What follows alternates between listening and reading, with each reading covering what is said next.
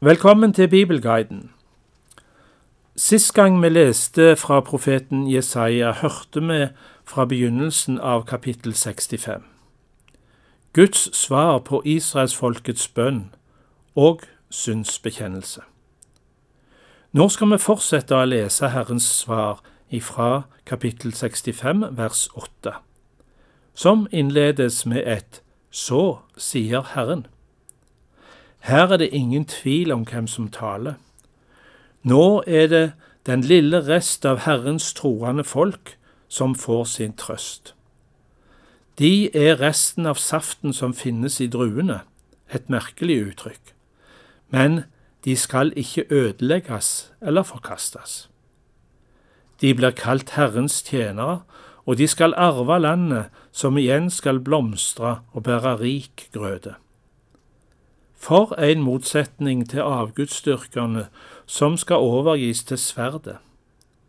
De ville ikke høre på Herrens tale, de fulgte ikke hans veiledning, og de gjorde det som var ondt i Herrens øyne. Vi leser vers 8-12 i Jesaja kapittel 65. Så sier Herren, så lenge det finnes saft i druene, heter det, ødelegg dem ikke, for det er velsignelse i dem. Slik skal jeg gjøre for mine tjeneres skyld, jeg skal ikke ødelegge alt. Jeg lar en ett gå ut fra Jakob, fra Juda en som skal arve mine fjell. Mine utvalgte skal ta landet i eie, og mine tjenere skal bo der. Da skal Saron bli et sted der småfe beiter, og Akordalen et sted der storfe hviler for mitt folk som søker meg. Men dere som har forlatt Herren og glemt mitt hellige fjell, som dekker bord for Gad og skjenker krydret vin for Meni, dere overgir jeg til sverdet. Alle skal dere bøye kne for å bli slaktet. For jeg ropte, men dere svarte ikke. Jeg talte, men dere hørte ikke. Dere gjorde det som var ondt i mine øyne, og valgte det jeg ikke ville. I de neste versene blir igjen den troende delen av Guds folk tiltalt som mine tjenere, og det stilles opp en motsetning mellom de gudfryktiges kår og endelig og de ugudelige. De ugudelige skal tørste, skamme seg, skrike av hjertesorg og deres ettermæle skal bli brukt som en forbannelse. Men Herrens tjenere skal bli velsigna av Gud. Vi hører versene 13 til 16. Derfor sier Herren Gud, Se, mine tjenere skal spise, men dere skal sulte. Se, mine tjenere skal drikke, men dere skal tørste. Se, mine tjenere skal glede seg, men dere skal skamme dere. Se, mine tjenere skal juble av hjertens lyst, men dere skal skrike av hjertesorg og klage av en sønderbrutt ånd. Det navnet dere etterlater dere, skal mine utvalgte bruke som forbannelse. Måtte Herren Gud la deg dø. Men tjenerne sine skal han kalle med et annet navn. Den som velsigner seg i landet, skal velsigne seg ved den trofaste Gud, og den som sverger i landet, skal sverge ved den trofaste Gud. For nå er de første trengslene glemt, ja, de er skjult for mine øyne. Nå kommer vi til et skriftavsnitt som ligner på det vi kan lese i Bibelens siste bok, Johannes' åpenbaring. Se, jeg skaper en ny himmel og en ny jord. Her er det profetier som strekker seg langt utover profetens nære framtid. Dette har vi heller ikke enda opplevd, men løftene ligger der. Dette vil skje slik alle Guds profetier går i oppfyllelse. Vi hører om paradisiske tilstander på den nye jord, men bildet av dette blir ennå ikke vist fullt ut for folk i den gamle pakt.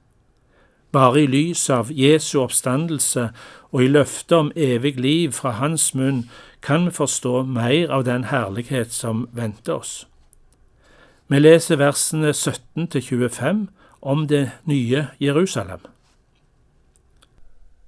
Se, jeg skaper en ny himmel og en ny jord. Ingen skal minnes de første ting, ingen skal tenke på dem. Gled og fryd dere til evig tid over det som jeg skaper. For se, jeg skaper Jerusalem om til fryd, og folket der til glede. Jeg vil fryde meg over Jerusalem og glede meg over mitt folk. Aldri mer skal det høres gråt eller klageskrik i byen. Der skal det ikke lenger finnes spedbarn som bare blir noen dager gamle, eller gamle som ikke når sine dagers fulle mål. Ung er den som dør hundre år gammel. Den som ikke blir hundre, må være forbannet. De skal bygge hus og selv bo i dem, plante vinmarker og selv spise frukten. De skal ikke bygge så andre får bo, og ikke plante så andre får spise. Så gamle som trærne skal folket mitt bli. Mine utvalgte skal selv få slite ut det de har laget med egne hender. De skal ikke streve til ingen nytte, og ikke føde til brå død, for de er en ett, velsignet av Herren. De skal ha etterkommere hos seg. Før de roper, skal jeg svare. Mens de ennå taler, vil jeg høre. Ulven og lammet skal beite sammen. Løven skal ete halm som oksen, men slangen skal ha støv til mat. Det finnes ikke ondskap eller ødeleggelse på hele mitt hellige fjell, sier Herren. Det vi har lest om nå, er den framtid som venter Guds folk, eller Herrens tjenere, som de troende kalles her. Nå får vi igjen høre Guds dom over falsk gudsdyrkelse.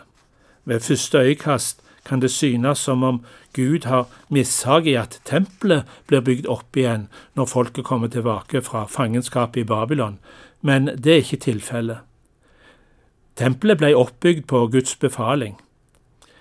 Det som sies her, det sies imot falsk avgudsdyrkelse, eller falsk gudsdyrkelse. Det vil si Guds mishag overfor de som dyrker Gud i det ytre med offer og gudstjenester, men samtidig lever et dobbeltliv som ikke samsvarer med en rettferdig livsførsel. Det nytter ikke å ofre og gi og gjennomføre ritualer dersom ikke hjertet er med, dersom en ikke lytter til Guds ord og gjør etter det.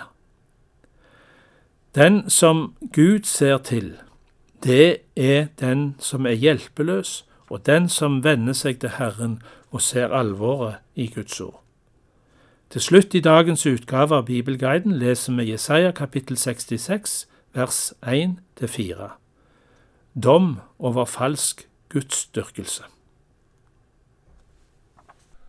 Så sier Herren, Himmelen er min trone, og jorden er min fotskammel.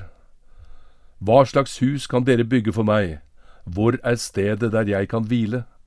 Min hånd har laget alt dette. Slik er alt dette blitt til, sier Herren.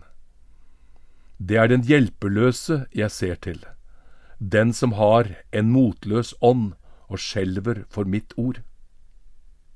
Den som slakter en okse, slår et menneske i hjel, den som ofrer et lam, knekker nakken på en hund, den som bærer fram grødeoffer, ofrer svineblod, den som brenner røkelse, velsigner det onde, de som gjør dette, har valgt sine egne veier. De har sin glede i det som er motbydelig. Så velger også jeg å plage dem. Jeg fører over dem det de er redde for. For jeg ropte, men ingen svarte. Jeg talte, men ingen hørte. De gjorde det som var ondt i mine øyne, og valgte det jeg ikke ville.